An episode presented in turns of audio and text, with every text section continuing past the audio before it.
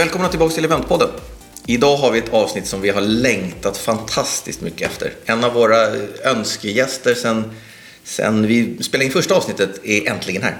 Ansvarig för Sveriges största publika event skulle vi säga och en av de sakerna som alla tycker om. Fenomenet Melodifestivalen.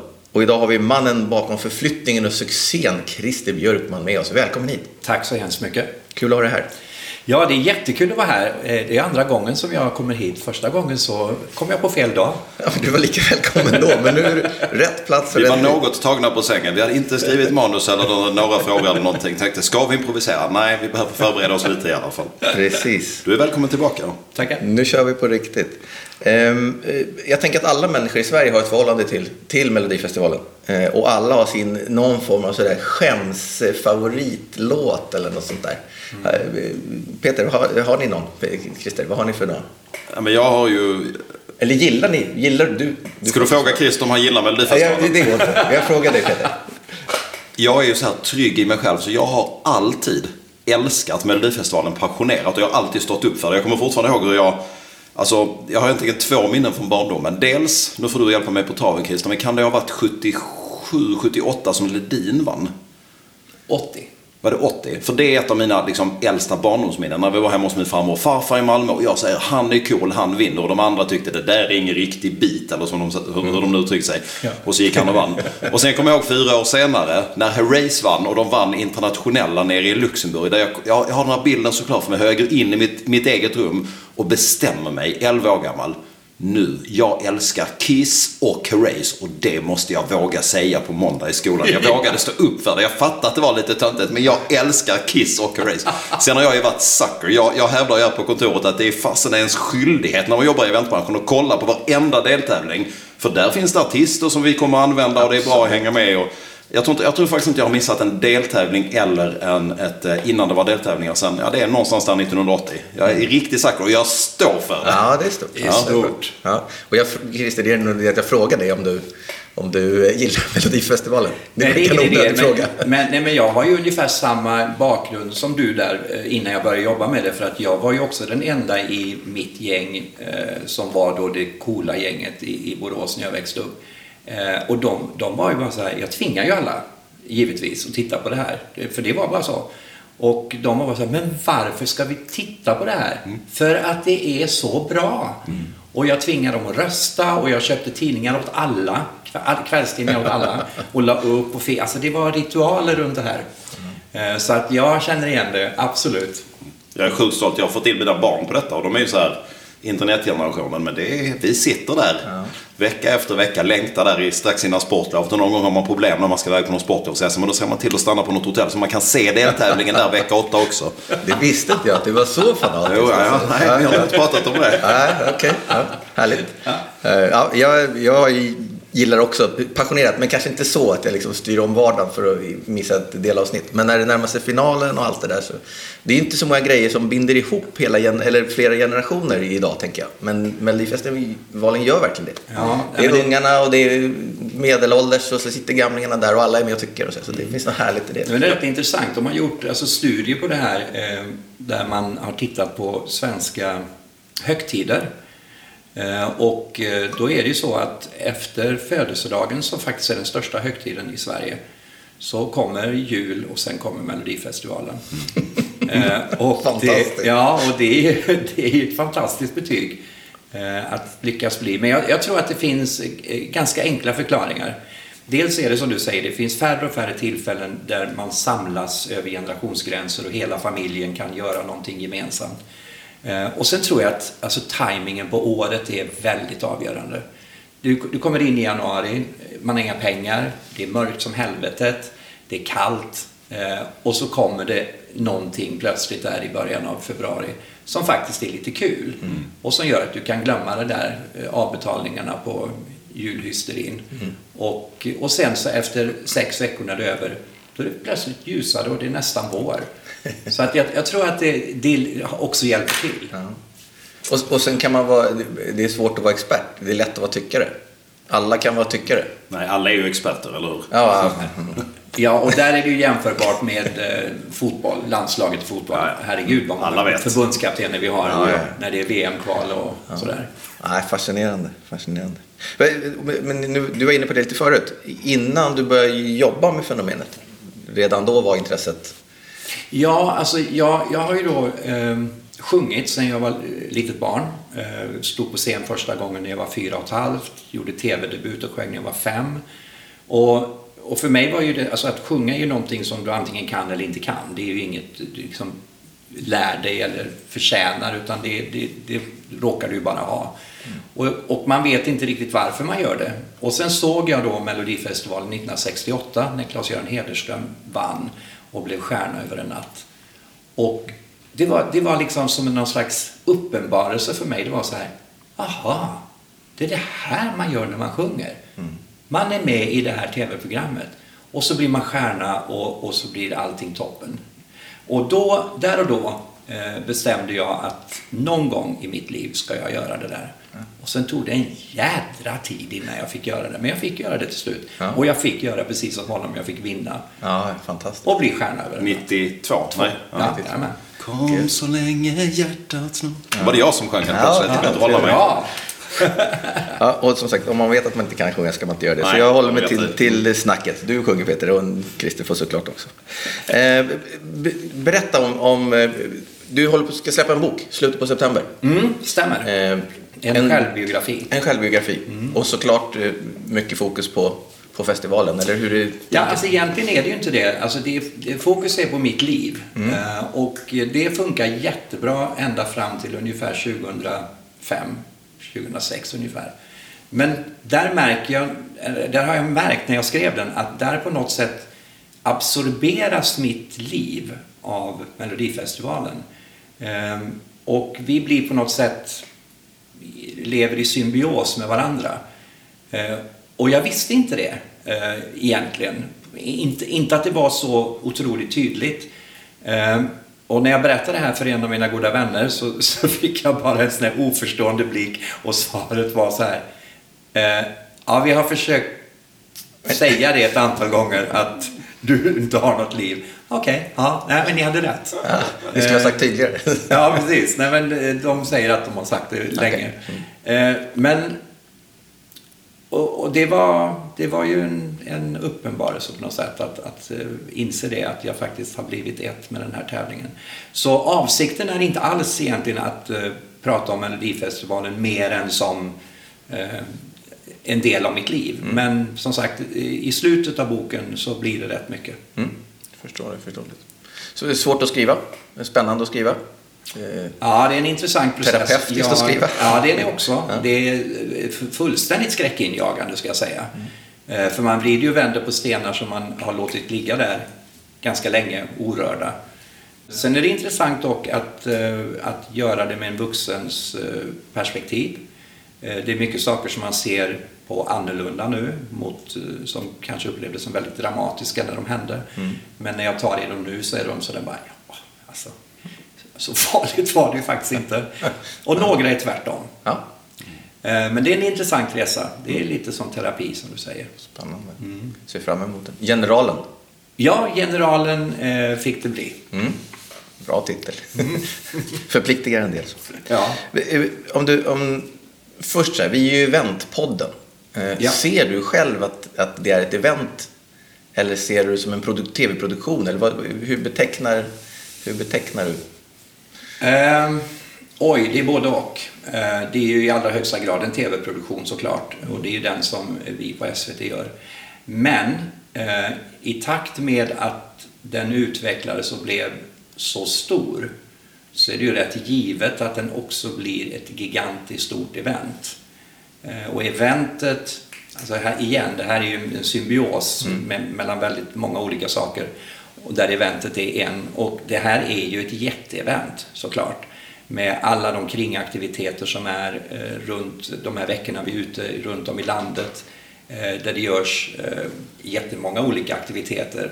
Både i staden som vi besöker men också runt omkring själva arenaupplevelsen där eh, både sponsorer och eh, vanliga gäster eh, aktiveras på olika sätt som är kopplade till, till det vi gör som är tv-produktionen. Mm. Det måste ju också stå för en...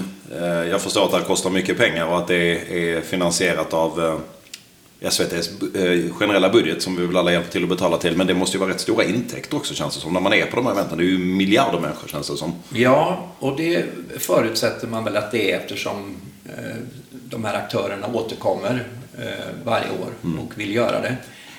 Det är dock ingenting som vi ser något av. SVT får ju inte tjäna pengar för det första. Nej, men jag tänker att alltså bara en sån sak som biljettintäkterna är väl med och finansierar delar av kalaset i alla fall. Så är det troligen, ja. Hur mycket folk är det som kommer på de olika deltävlingarna? Det är väl fullt hus överallt, men hur Ja. många människor kommer och tittar? Ja, vad kan det vara? Ehm, Det kanske rör sig om en 80-90 000 totalt eh, på den här turnén. Eh, Där det mesta då givetvis är eh, förknippat till Friends, där vi har tre föreställningar. Och den sista är på 30 och den på dagen är väl runt 20 och kvällen innan är väl kanske 15. Ja, det är maffigt. Och så- hur många är det som tittar på TV då? Det måste, eller på olika, i olika kanaler, även online går väl misstänker. Ja, online är också ett antal. De räknas ju aldrig in, eh, tyvärr. Eh, men vi hade väl 3,8 3,8 miljoner plus online-tittandet då. På vilken? På svenska? På fi- finalen, på svenska Är det finalen. fler som tittar på svenska finalen än på Eurovision? Ja, det är det. Jag är faktiskt också fast i det. Det, är, det har nästan blivit, det har svällt för mycket Eurovision. Alltså det är fantastiskt, det är klart jag tittar på det. Men det är ju, det, det är ju svenska finalen är ändå liksom lite vassare. Ett undantag ska jag säga. Ja. När vi arrangerade i Stockholm, då hade vi högre tittning på Eurovision än på svenska finalen. Vi är patrioter. Måste ju stötta svenska arrangemang. Ja, Ja. men det var också ett sånt drömupplägg som vi hade i den finalen. Alltså vi hade med Petra och Måns som programledare, vilket är oslagbart i sig. Och sen att vi hade Justin Timberlake som Just. eh, gästartist. Det, det gjorde ju att vi hade späckat det där programmet med godis. Han släppte en ganska hygglig låt också. Det var, det var precis det. Ja, han gjorde ju det. Just det. Ja, jag sjunger inte, men du vet vilka jag menar. Mm, jag vet, jag sjunger den snart. Ja, ja det är bra. Och, och, och, får man ställa frågan så här. Vad är det, du och såklart teamet runt dig. Vad är, vad, var den, vad är den stora skillnaden som ni gjorde som har fått det här att bara explodera fullständigt? Ja, det var ju att flytta in det i arenor. Eh, f- Före eh, det var det ju en konsertupplevelse, antingen i Studio 1 eller eh, man gjorde väl lite grann, man var på Malmö stadsteater, man var på Göteborgsoperan. Eh, Men de var ju väldigt begränsade, alltså det var ju det var inga jätteevenemang. Eh, Och då var det egentligen så här att när, när Sverige arrangerade Eurovision Song Contest 2000 då var det ju första gången som man satte in det i en jättestor arena, hela evenemanget. I was there. Mm. Då var vi i Malmö såklart. Nej, det var i Globen. Ja, det var Globen som var. Ja. Och eh, Fly on the wings of love. Härligt, härligt. Fly baby fly. Uh, jag ryser. Ja, förlåt. Jag avbröt Ja. Då får jag berätta. Ja. Sva, eh, på Grönland, på en guppig båt uppe bland valar och grejer, spelade vi på högsta volym och drack Jäger med en liten grupp i, vid ett tillfälle och sjöng den här låten så dåligt och så högt. Fantastiskt bra. Udd, en av de bästa låtarna Ja, i jag eh, håller med. Eurovisions historia. Grym, grym. Ja, och sen... Vi var på 80. Nu ska vi se, var var vi? Jo, eh, jo och med, med den erfarenheten i ryggen och vilken stämning det blev så eh, tog man det beslutet alltså 2001 att äh, vi försöker och gör om det här till en, en arenaproduktion och samtidigt eh, får man in ett public service-värde i det genom att ta det ut i landet och åka runt eh, på alla orter som hade en, en helt duglig arena. Eh, och på den vägen var det. Och första året när vi åkte ut 2002, då var det verkligen så här, vi hade ingen aning om vad vi gjorde. Alltså det var verkligen så här, kommer det komma folk? Eh, kommer folk vilja ha så här många låtar? Eh, kommer media orka åka med? Eller kommer de bara komma till finalen i Stockholm så småningom? Vi hade verkligen ingen aning. Och eh, det som var intressant och det som hände som faktiskt startade hela grejen, det var när vi var på första deltävlingen så skapade eh, en Expressen-journalist, Johan T Lindvall, en, den första skandalen Eh, vilket var ett bråk mellan Magnus Carlsson och Brandsta City Släckers. Eh, där han plockade upp att han hade sagt något typ att oh, såna här hittepå-artister eller något sånt där sa han. Eh, Va? Och det blåste han upp eh, så gigantiskt och gjorde det till en sån här, hela veckan handlade om det här bråket. Och på, på lördag kväll så var mittuppslaget på Brandsta City Släckers med brallorna eh, vid midjan, bara överkroppar. Och bara, vadå? Vi vill också artister liksom. Ja, det är de faktiskt. Kom och ta mig långt härifrån, långt härifrån, långt härifrån. Det här blir vårt längsta avsnitt känner jag. Ja, det är bra. Mer sång till folket. Och, och därmed hade de faktiskt eh, skapat den här dokusåpa-liknande eh, företeelsen. Och vi satt där och bara, okej, det här kommer funka. Det här, då visste vi att det här, det här kommer faktiskt att... Och det var rätt i tid. Det var precis då när liksom de här första dokusåporna hade kommit och det, det, det, det funkade. Ja, ja verkligen får man säga. Så det var, och sen till slut så snodde ju dessutom Brandsta Barbados givna finalplats. Just. Så det var ju, då var vi igång. Spädde på ännu lite mer. Ja, men så var vi igång. Ja. Och sen så ser, vi, så ser, man, ser man att, eh, att eh, typer av låtarna blir ganska tydligt kategoriserade. Det ska finnas olika kategorier av... Det kommer senare Mm. Ja, det har ju kommit senare. Alltså, eh, själva, eh, vi har ju tweakat och vridit och vänt och utvecklat och eh, hittat på nya saker i princip hela tiden.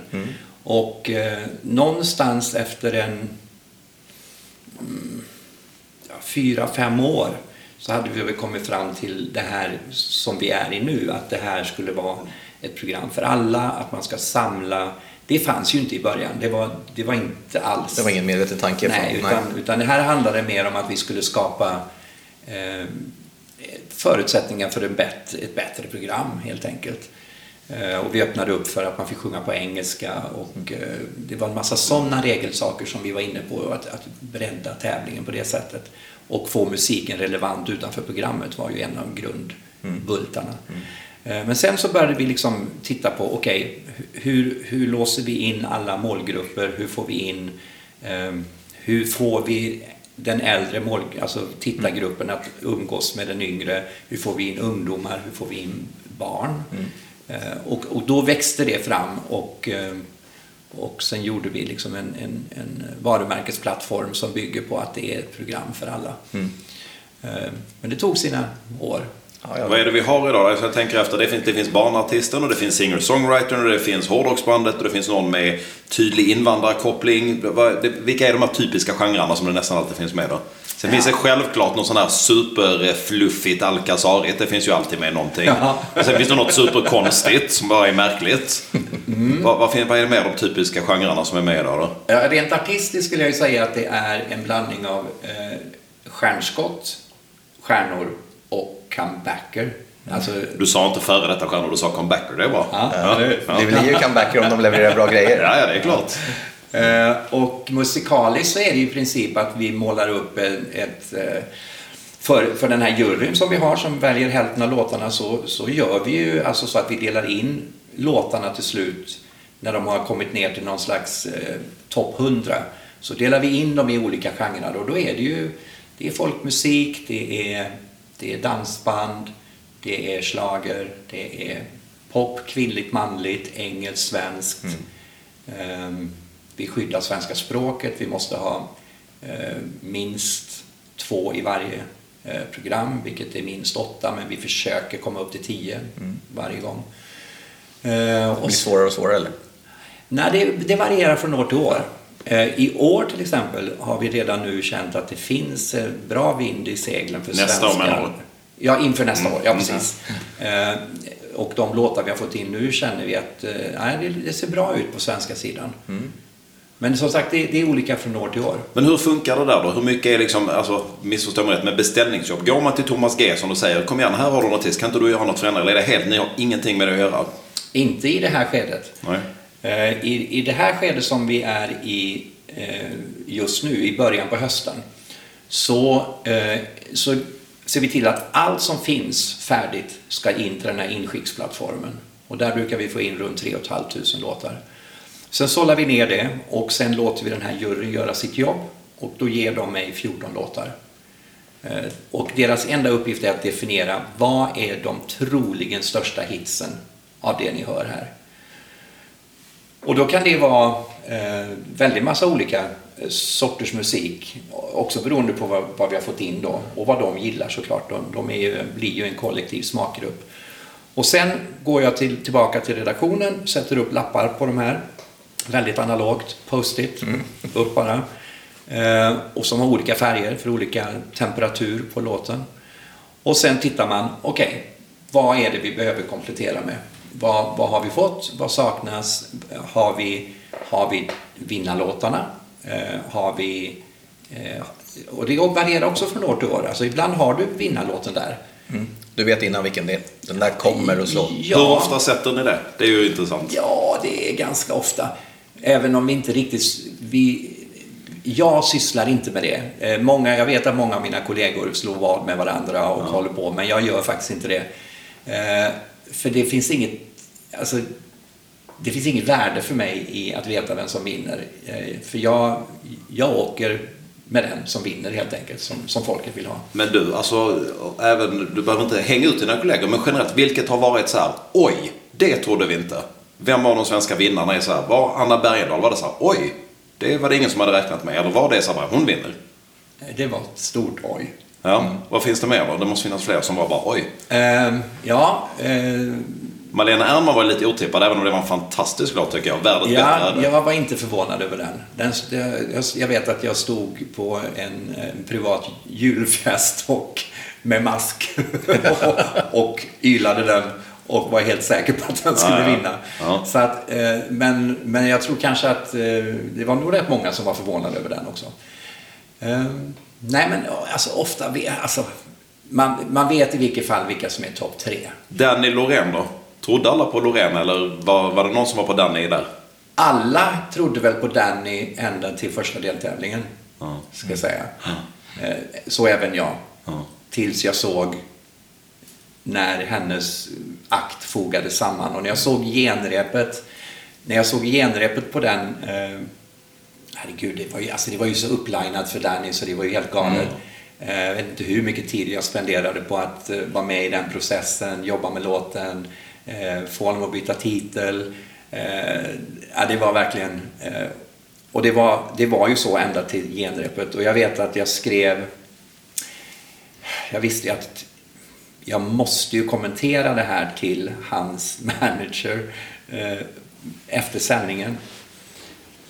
Och jag, jag kände så här, man får också dåligt samvete sådär. Och eh, jag satt under sändningen så här och hade det där redo. Och jag formulerade och jag skrev om och jag bara, nej, det spelar ju ingen roll vad jag skriver. Det är, det är ett sånt slag i ansiktet, en, det som de kommer få se här om en stund.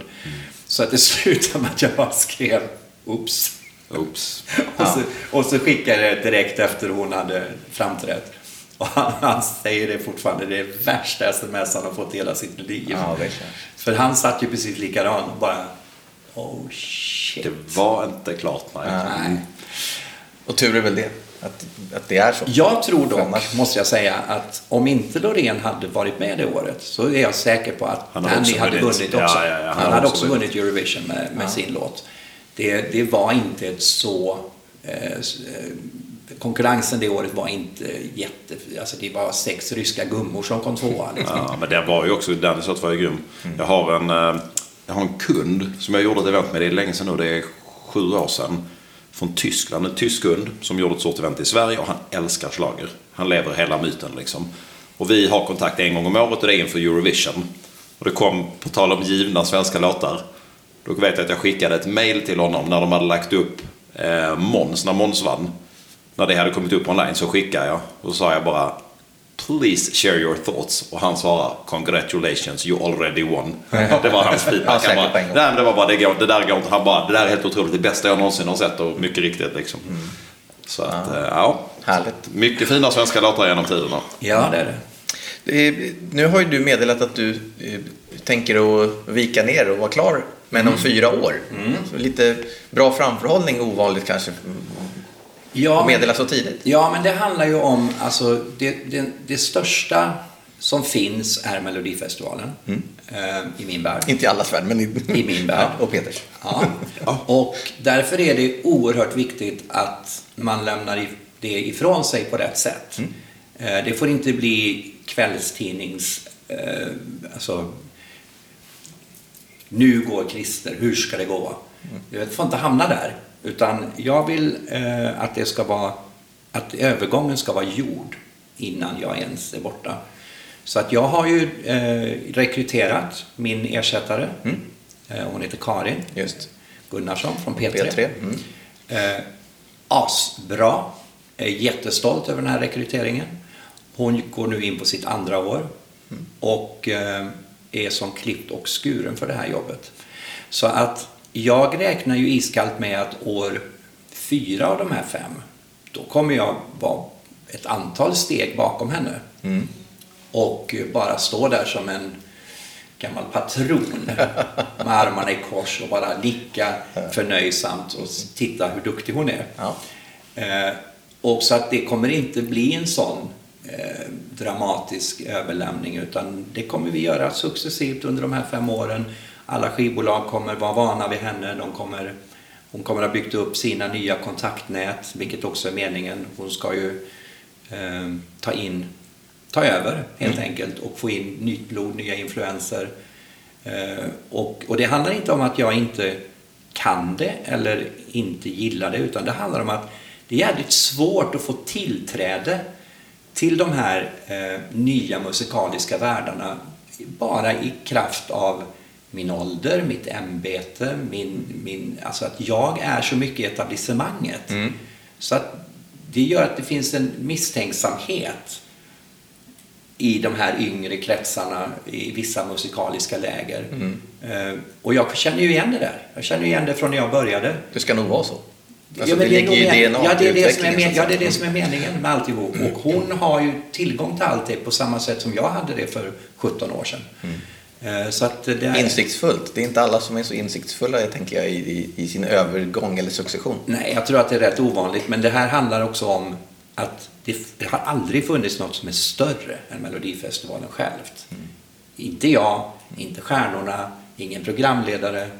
Det, det, that's the shining star. Och har man det som fokus så blir det inte fel. Du nämnde skivbolagen, relationen där och hur mycket de påverkar och tänker och tycker och så. Nej, men de är jätteengagerade, men inte på ett, inte på ett sånt här sätt att de eh, försöker styra eller påverka oss. Eh, de är mer engagerade på det sättet att de, att de på samma sätt som vi brinner för det material som de tar fram till sina artister. Eh, och det gör att vi ibland hamnar i, i väldigt heta diskussioner och där vi försöker förklara att men, vi har hört allt. Vi vet ju att din artist just nu krockar med två andra som faktiskt har en vassare låt i exakt den här genren. Den här blir bättre. Det kommer bli bättre för din artist att göra den här låten istället. Sådana diskussioner har vi.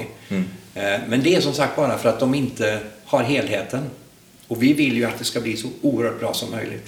Hur tidigt landar det där då? Alltså, lå- låtskrivarna skickar in sina låtar och det är väldigt sällan, antar jag, som original eller slutartisten är den som sjunger på demon liksom, utan det är någon annan. Hur, hur ofta är det klart att ja, men Thomas G som skickar in den här låten och det är Carola som sjunger den? Det, är, det kommer mot slutet precis innan, där lägger ni ett pussel tillsammans eller? Ja, alltså det varierar också, men, men eh, ja, alltså Carola, det, det var ju jag som satte ihop med med evighet. För det, det var ju Sonja Aldén som sjöng på den från början. Just det. Ehm, eh, samma med, med Loreen eh, kopplar jag också ihop med Euphoria. Men sen har du ju Måns var ju på sin låt. Så där behövde jag inte göra någonting. Det var bara att plocka in den och så, så var Spika upp den så var den färdig. Ja, så, att, alltså, så det varierar från, från fall till fall. Ehm, men men på, förresten, på tal om det du sa förut som jag tappade bort lite, det var att när, när, när då juryn har gjort sitt och du har, jag har de här 14, då, om det saknas en viss genre eller det saknas inte minst vinnarlåtarna, de här riktiga topplåtarna, då går jag ut och beställer eh, nya låtar. För vi har ju den tiden från, vi är klara någonstans månadsskiftet eh, september-oktober med de här 14. Sen har jag då sex veckor på mig att skaka fram resten. Men då, 14, varför just siffran 14? Det är, vad är det? Hälften. Nu är vi nere på 32 tävlande. 28. Är det 28 nu? Ja, så ja. de gör hälften. Jaha, okej. Och sen så plockar jag in hälften Mm. ihop med mina kollegor på redaktionen. Och då går man till ett gäng liksom, eh, genretypiska låtskrivare. där Man vet att här får man en liksom, låt. Ja, ofta går vi kanske till två, tre. Okej. Alltså så man, man har alternativ. Eh, och då beror det på, som du säger, vilken genre det är du söker. Eh, det, men ibland är det så att du har vinnare på topplåtarna och då är det bredden du vill ha. Och då får man gå till helt andra upphovsmän om man ska ha folkmusik eller country eller vad det nu kan vara. Vilka är de tre bästa låtarna under din tid? Kan, kan man ställa en sån fråga? Låt en sån fråga sig ställas. Absolut. Ur absolut. eget, egen Absolut. smak liksom. Det måste man Alltså, Oj, Eller eg- råkar man ja, det? ja, men egen smak, det är en helt annan sak det. Ja, men då, då är det min fråga. Vilka Ja, tycker du har varit de tre bästa? Så blir det inte lika känsligt. Ja, men alltså, Euphoria är ju oundviklig. Därför att där var jag så inblandad i hela processen. Eh, Det var, där, där gjorde vi hela det, allt det där tillsammans. Liksom. Och det var en lång process. Det tog månader att övertyga henne om att hon skulle göra den här låten. Och sen var den inne i studion i säkert ja, någon månad med, och vi fick en väldig massa olika versioner. Eh, och sen när vi väl hade fått ett ja så var vi tvungna att ta den hela vägen tillbaka till det kommersiella eh, tilltalet som hade försvunnit på vägen när själen skulle in. Det var en lång process. Eh, och, eh, så, så den är ju givetvis Mm, Okej, Euphoria. Varm om hjärtat. Mm. Eh, sen skulle jag nog säga att... Vänta, jag får gissa. Man, Får gissa? man får ta sina egna. Ja, men jag måste få gissa. För det finns en annan som, jag, som känns som att, jag vet inte faktiskt om du, jag vet inte om du var involverad, men som känns som att den jobbades det med. Men den vann inte. Moving On. Var du involverad i den? ja. Det är också en fantastisk ja, melodifestivallåt. det är väldigt, väldigt bra. Var, du, var, var det samma sak där? Det var en jätteproduktion och lång resa, eller? Nej, alltså Moving On kom ju in med henne. Eh, däremot var det ju den låten som jag faktiskt trodde eh, från början skulle vara den vassaste. Eh, tills... Sen kommer vi till låt nummer två. Keep On Walking, Salman Fakir. Var det samma år som Moving On kanske? Ja, ja, den var ju också... Fantastisk låt. Verkligen. Eh, Och, och artist. och artist. Eh, oerhört bra. Ehm, ja du, en tredje också. Eh, jag tycker ju eh, en, ja, jag tycker en låt här som, som verkligen inte gjorde mycket väsen av sig är en av de bästa vi har haft. Och det är eh, Christian Walls. Mm. Hade en fantastisk låt. Den gick inte ens vidare, va? Nej. Men den var också oerhört bra. Spännande. De hade du inte gissat? Nej. Ja, Euphoria hade jag nog haft Euphoria, med ja, precis. Men du vet vilken som är den otvivelaktigt bästa, så sorry. Det är innan din tid, Christer. Peter, skulle du vilja delge oss vilken som är den bästa? Den otvivelaktigt bästa Melodifestivalen genom tiderna. Tommy Körbergs Stadius. Blir det större? Är det inte en fantastisk låt? Jag får inget medhåll. Jo då. jo, i, i sammanhanget fantastiskt. Jo, men större blir det ju inte. Ja. Det är ju pompöst Ja, och stor verkligen. så det räcker och blir över. Varje gång jag hör den så tänker jag liksom, varför är inte det här en världshit? Varför är den inte gjord på engelska i världsformat? Men det kanske bara jag. Jag har något barndomsminne till den förmodligen. Jo, men alltså herregud, hur många gånger har man inte scrollat den? Det ska man. När den, när den kommer så ska man sjunga med. Så är det. Mina herrar, vi, det är ju en eventpodd vi pratar här. Så Peter, om du taggar ner lite på låtdelen. Eh, eh, nej då, jag, vi, det här, vi är nyfikna på allt spel bakom såklart. Vi, vi ska ha lite sånt eh, skvaller och lite eh, sådär. Men vi brukar ju prata bloopers. Eh, och och eh, veckans blooper, det ska vi, har vi fått den från eh, Janne Björge på före detta Nine Yards. Så den ska ni få lyssna på här.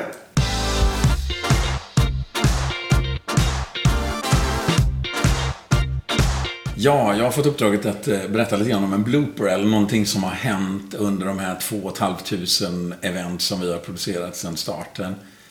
Eh, och det är ju ett som är en favorit. Och jag, och jag- och jag är lite ledsen om jag hänger ut någon, men vi flög alltså ner alla butikschefer för Dressman till Egypten.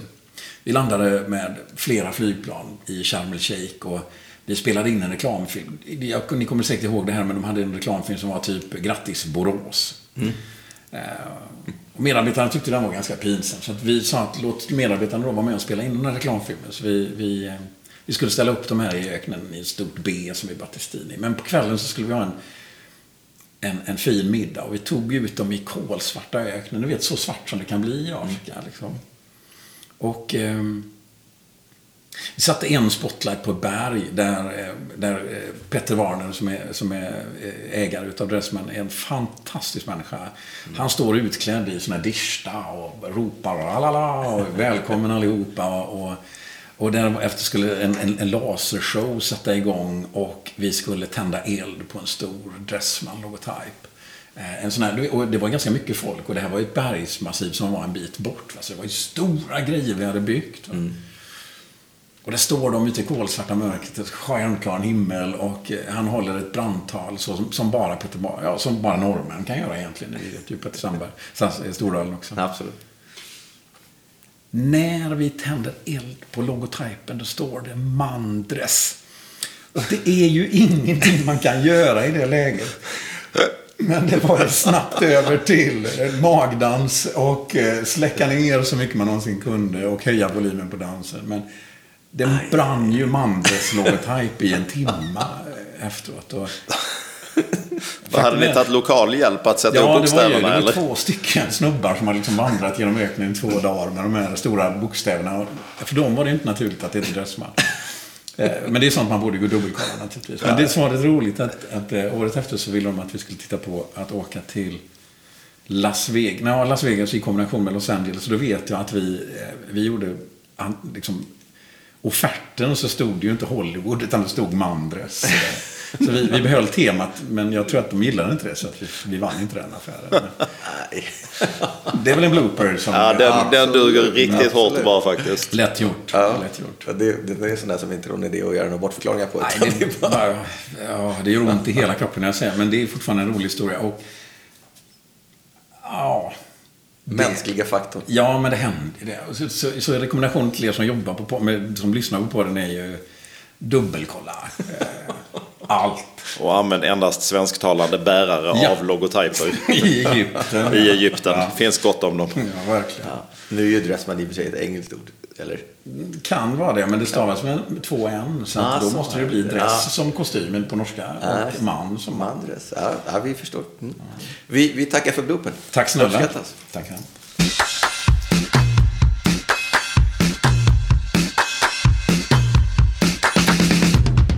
Tack Janne för ett sent inkommande bidrag. Vi uppskattar bloopen såklart. Christer, bloopers från Melodifestivalen måste det finnas massor. Eh. Egna eller någon annans. Ja, Vad kan du bjuda oss Dogfighten Magnus Carlsson, Brunsta City Släckers. Ja, den har vi tagit. Ja, den har vi tagit. Ja. Nej, men alltså, ja, vad kan man... Ja, alltså i Finland, vi kan gå dit 2007. Eh, vi är där med The Ark. Mm. Eh, har extremt höga förhoppningar. Eh, hela, jag tror hela Sverige är rätt säkra på att vi kommer eh, ta hem det här nu, äntligen. Då hatade man Europa den kvällen kan jag säga. Ja, det gjorde man. Verkligen. Men vi hade ju då eh, liksom ett debakel i vår egen lilla värld och det var ju att vi, vi, hade, en, vi hade ju med en snurrplatta till Helsingfors eh, som eh, Ola skulle ligga på. I en sekvens av låten och den skulle då sedan snurra och sen så skulle den stanna och så skulle han gå av. Eh, och det här funkar varenda gång. Jättebra. Men den här killen som skötte det här, han blev så nervös när det blev dags för sändning. Så han var så svettig om händerna så att han gled av knappen. Och den kommer inte igång. Och man, man, ser liksom på Ola hur han blir så jävla desperat förbannad när han ligger där. Så sen börjar den liksom efter, det känns ju som en evighet, men det var ju kanske du vet tre sekunder. Och sen börjar den liksom oh. sakta komma igång. Och hela effekten är borta.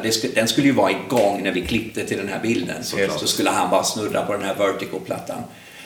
Eh, och sen så var ju, efter det så, så var inte Ola riktigt där. Alltså du vet. Han tappade ja, men fokus han, lite. Ja, men han tappade liksom hela den här, du vet, det här självklara. Eh, det kommer också in i, en parti av låten när man verkligen vill att det bara ska explodera. Och han var bara arg liksom, efter.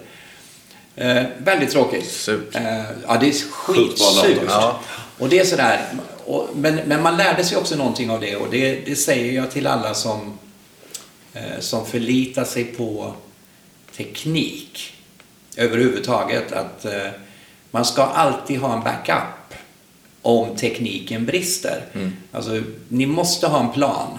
För man får inte göra om och man får inte tekniken. Det, det är stenhårt liksom. Det, det kan aldrig vara tekniken som ska avgöra eh, om det här vinner eller inte. Så att spricker det, då you're on your own. Och då är det verkligen bara upp och kör. Men lite eventnördigt och teknik. Ja. Tumme pekfinger på en eh, final. Eh, svensk final. Hur, hur många gubbar jobbar i teknikproduktionen med att få det här att funka? Oj. Ja, det är 75 kanske? Som bara jobbar med teknik. Mm. Det är rätt maffigt. Är det Mediatek som gör all teknik eller vem är det som? Nej, det är, det är olika. Det är flera olika företag som eh, För ingen klarar av det bidrar. själv eller vadå? Ja, oh, men jag tror att det, det handlar ju om upphandling och eh, offentlig upphandling. Så Ja just det, det är statligt SVT, jag glömde det. Ja. Jag glömde det.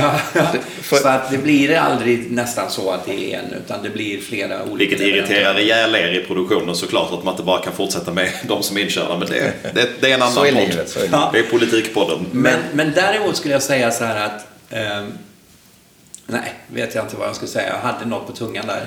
Jag får fråga dig om din erfarenhet. Du var inne på tekniken och vad som kan gå fel och bloopers och sådär. Eh, Som producent, projektledare, general. Vi lever ju i en projektledarvärld där man- där det gäller att hålla koll på sin tid och sina pengar. Eh, Vad, vad är dina styrkor? Och vilka tips kan du ge till dem där ute som projektleder? Som driver? Ja, alltså det, det främsta tipset jag har egentligen när man gör event är att, att faktiskt hålla igen lite grann på innehåll. Eh, jag vet inte hur många event jag har varit på när du till slut du är, så, du är så trött på information, du är så trött på intryck och du vill egentligen bara prata om det du har upplevt. Eh, och, men, men det kommer alltid någonting till. Istället för att bara liksom, enough is enough. Jag tycker att man matar event oftast med lite för mycket. Packar det lite för hårt och det gör man av oro för att det inte ska hålla. Man är, man är rädd att, ja men du vet. Och, men nästan alltid skulle jag säga att det är lite för mycket. Mm. Bra, den taken gillar vi att ta med. Vi håller med. Det är hundra. Man fyller programmet med lite för mycket. Så är det. Ja. tar vi med oss det till projektledargänget där ute. Eh, skvaller, skvaller. Backstage-skvaller. Peter, jag du, ja, jag, tror att du, jag tror du sitter på en del grejer faktiskt. Vi har ju lekt med din telefonbok förut. Nej, det ska vi inte göra. Nej, okej, okej. Nej, det får nog Christer. Du vill ha Melodifestival bakom kulisserna skvaller? Ja, men lite godsaker vill man ju alltid ha med sig, tänker jag. Ja, men kom. Någon, kan du bjuda på något? Ja, men det finns ett problem eh, med den här världen vi lever i. Att det finns ju nästan inget bakom kulisserna skvaller längre. Därför att det når ju ut. Ja. Eh, Är det inte så att artisterna eller deras skivbolag eller eh, entourage eh, sprider det så lyckas alltid någon journalist få nys om det i alla fall över någon bar disk någonstans. Så att det finns inte så jädra mycket. Det exponeras ganska så öppet det mesta som sker. Och alla slåss ju om uppmärksamheten under den här veckan, eller de här veckorna som vi är ute.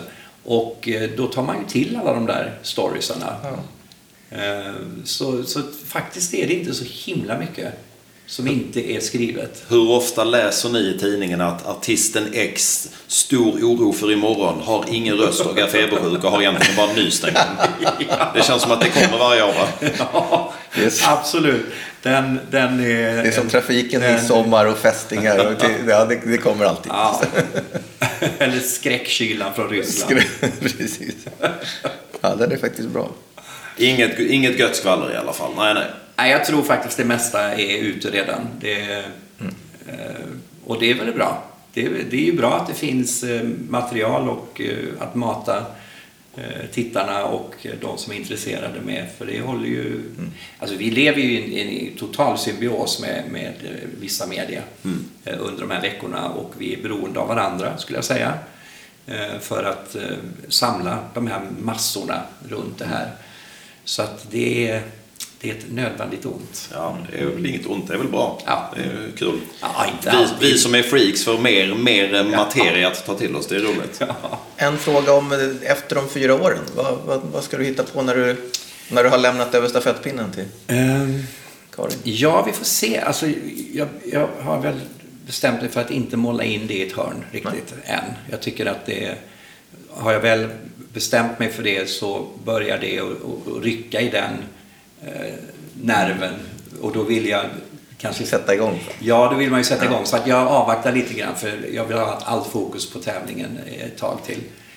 Eh, men, men däremot är det ju så, jag var ju redan iväg, eh, vilket jag också har nu i mitt eh, sista kontrakt, eh, att jag eh, ska hjälpa andra länder eh, vid behov. och jag är ju bara ansvarig för tävlingen från och med förra året. Jag är inte exekutiv producent för hela programserien utan eh, och det gör att jag faktiskt kan frigöra tid Just. för eh, andra saker. Så att jag, eh, jag tänker att jag ska hjälpa andra länder att förbättra sina nationella mm. uttagningstävlingar. Mm. Dela med mig av den know-how som vi har byggt upp här i Sverige. Jag åkte till Kiev och hjälpte till lite där.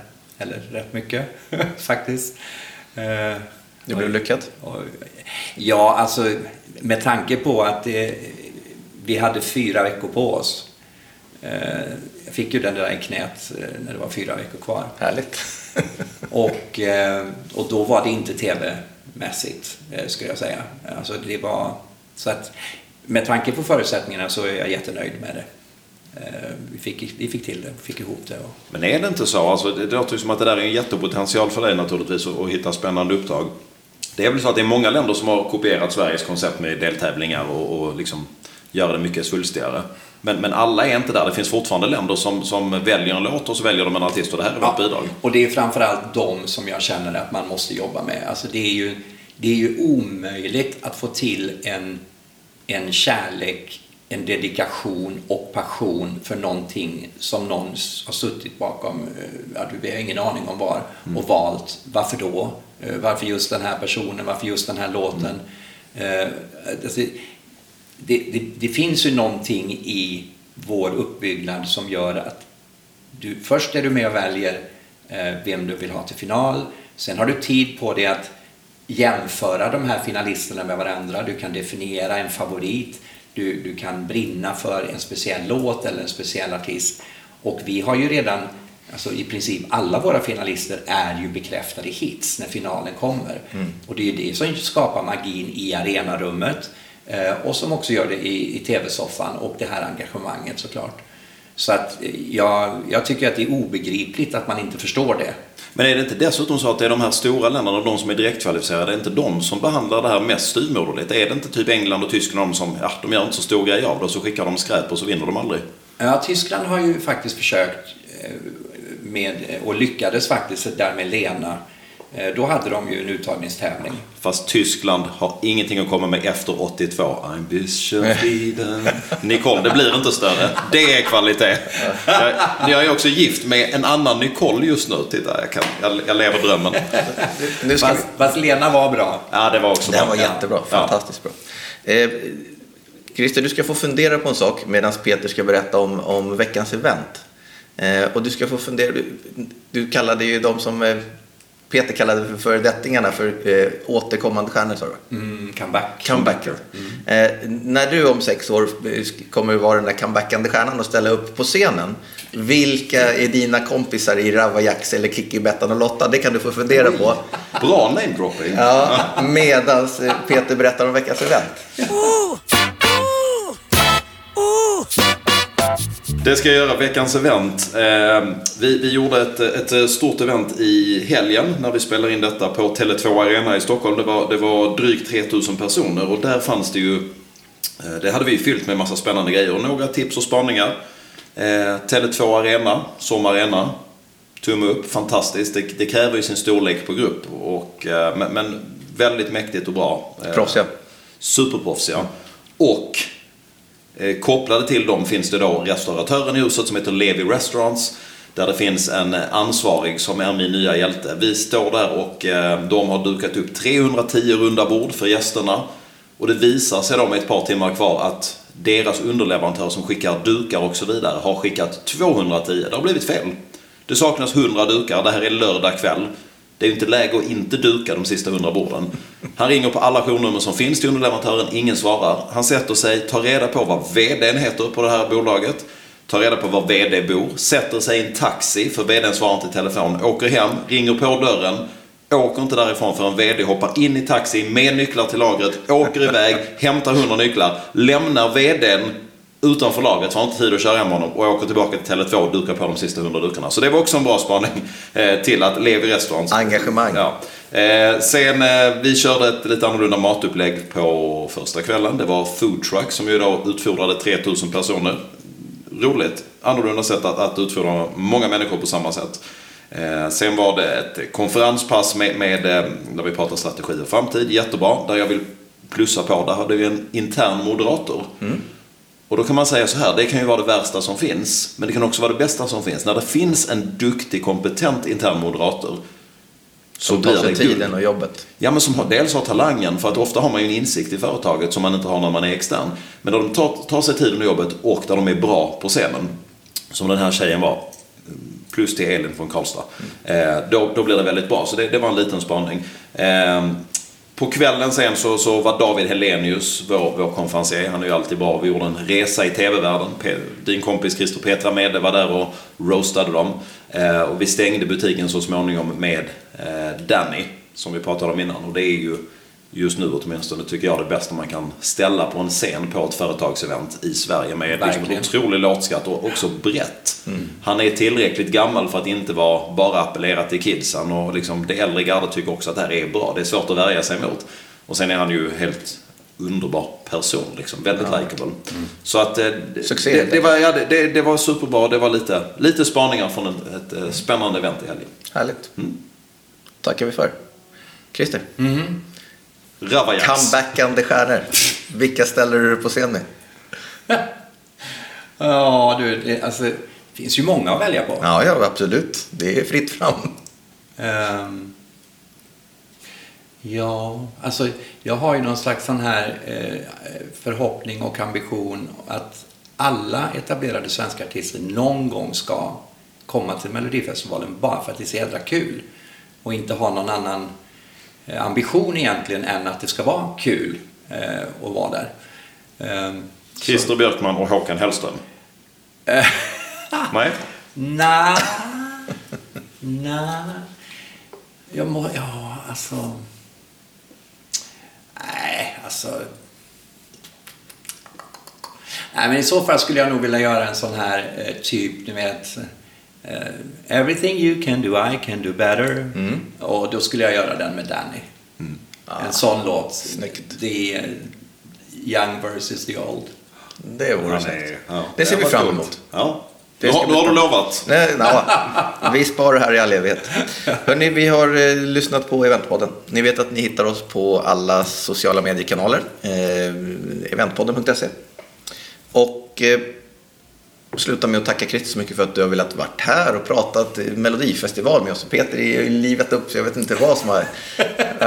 Herregud. Eh, superspännande. Tack för att du ville vara med. Tack! Och lycka till med boken. Och den dagen du är klar, lycka till med att glorifiera de lokala deltävlingarna, deltävlingarna i Makedonien och Lettland och Estland och var du nu hamnar någonstans. Det tror jag blir kanon.